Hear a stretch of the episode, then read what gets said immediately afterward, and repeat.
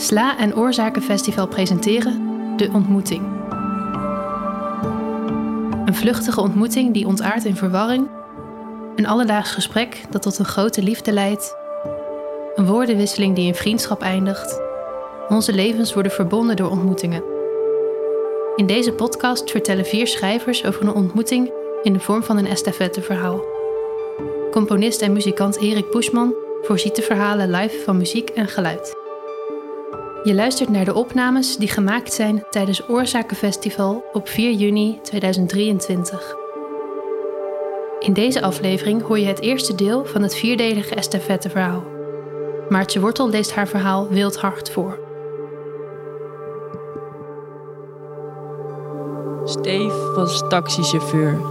Zijn vriendin was onlangs bij hem weggegaan. Ze waren vijf jaar samen geweest. En toen ze het eenmaal uit durfde te maken, voegde ze er als ware het een voetnoot aan toe dat ze al langer dan een jaar wist dat ze niet meer met hem samen wilde zijn.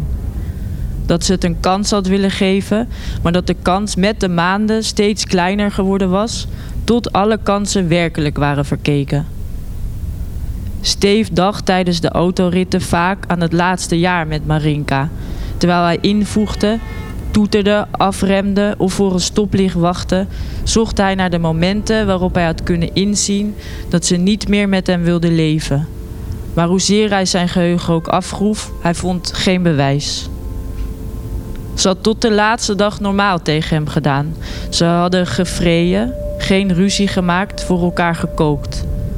Tot ze dus tegenover hem zat en zei: Ik wil niet meer. Een kort moment dacht hij dat ze niet meer verder wilde leven.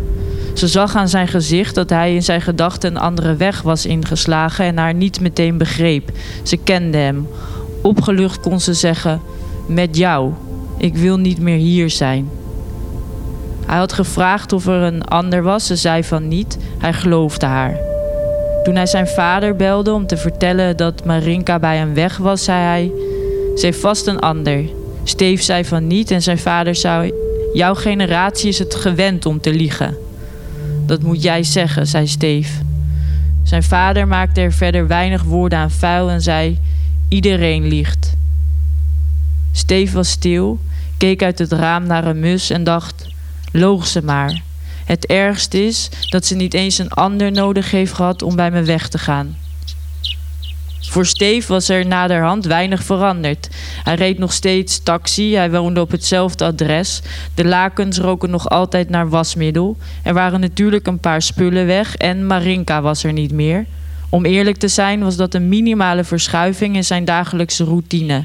Het enige wat er verschoven was, was een haast onzichtbaar iets in zichzelf. Wat hij geleerd had van de breuk was dat mensen iets doen wat ze niet willen of iets willen wat ze niet doen. Waardoor hij een stuk minder goed van vertrouwen was geworden, zelfs in het verkeer. Vreemd genoeg zorgde dat er niet voor dat hij rustiger reed, beter keek of langer de tijd nam. Hij was slordig en reed hard. Hij overtrad de regels zo vaak dat de som van zijn boetes groter werd dan zijn salaris. Hij leed verlies aan zijn eigen gedrag. Het moest anders. En het werd ook anders. Steve zag een advertentie in de krant. Er werden chauffeurs gezocht die donororganen konden vervoeren. Eigenlijk moesten de chauffeurs bezitten over medische kennis, maar omdat er een nijpend tekort was aan personeel, nam de werkgever genoegen met een verklaring omtrent goed gedrag, een korte medische basiscursus en een efficiënte rijstijl, waar eerst een test voor afgenomen werd. Met een plastic model van een lever in een afgesloten kist en twee examinatoren reed Steve naar Groningen alsof er inderdaad een leven van afhing. Het mag geen verrassing heten dat hij de baan kreeg. Hij wist de neiging te onderdrukken Marinka te bellen om het nieuws te vertellen, alsof ze hem terug zou willen nu hij geen mensen, maar organen vervoerde.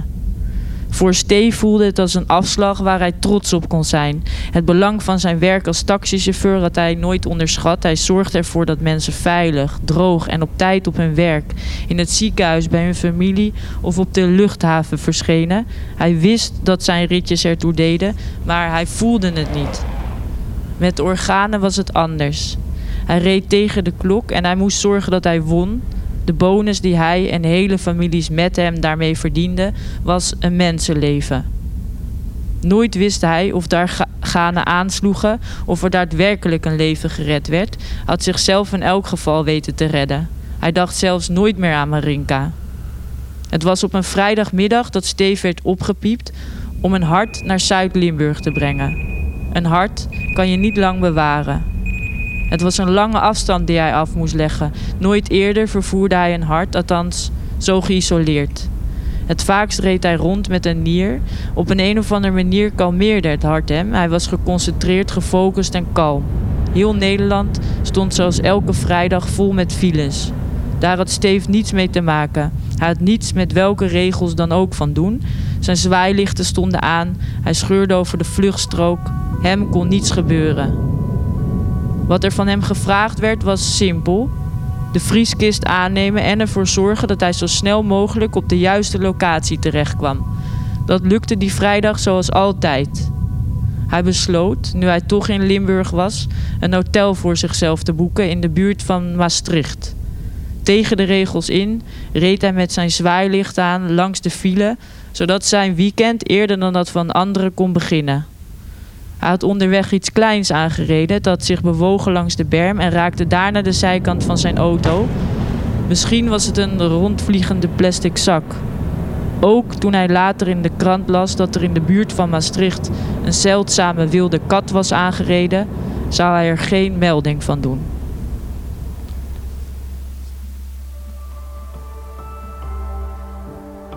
Je luisterde naar Maartje Wortel. In de volgende aflevering hoor je het tweede deel van deze vierdelige estafette. Het verhaal van Lauranne van Grinsven. Ga voor meer audio van Sla naar Slaakast in je favoriete podcast-app.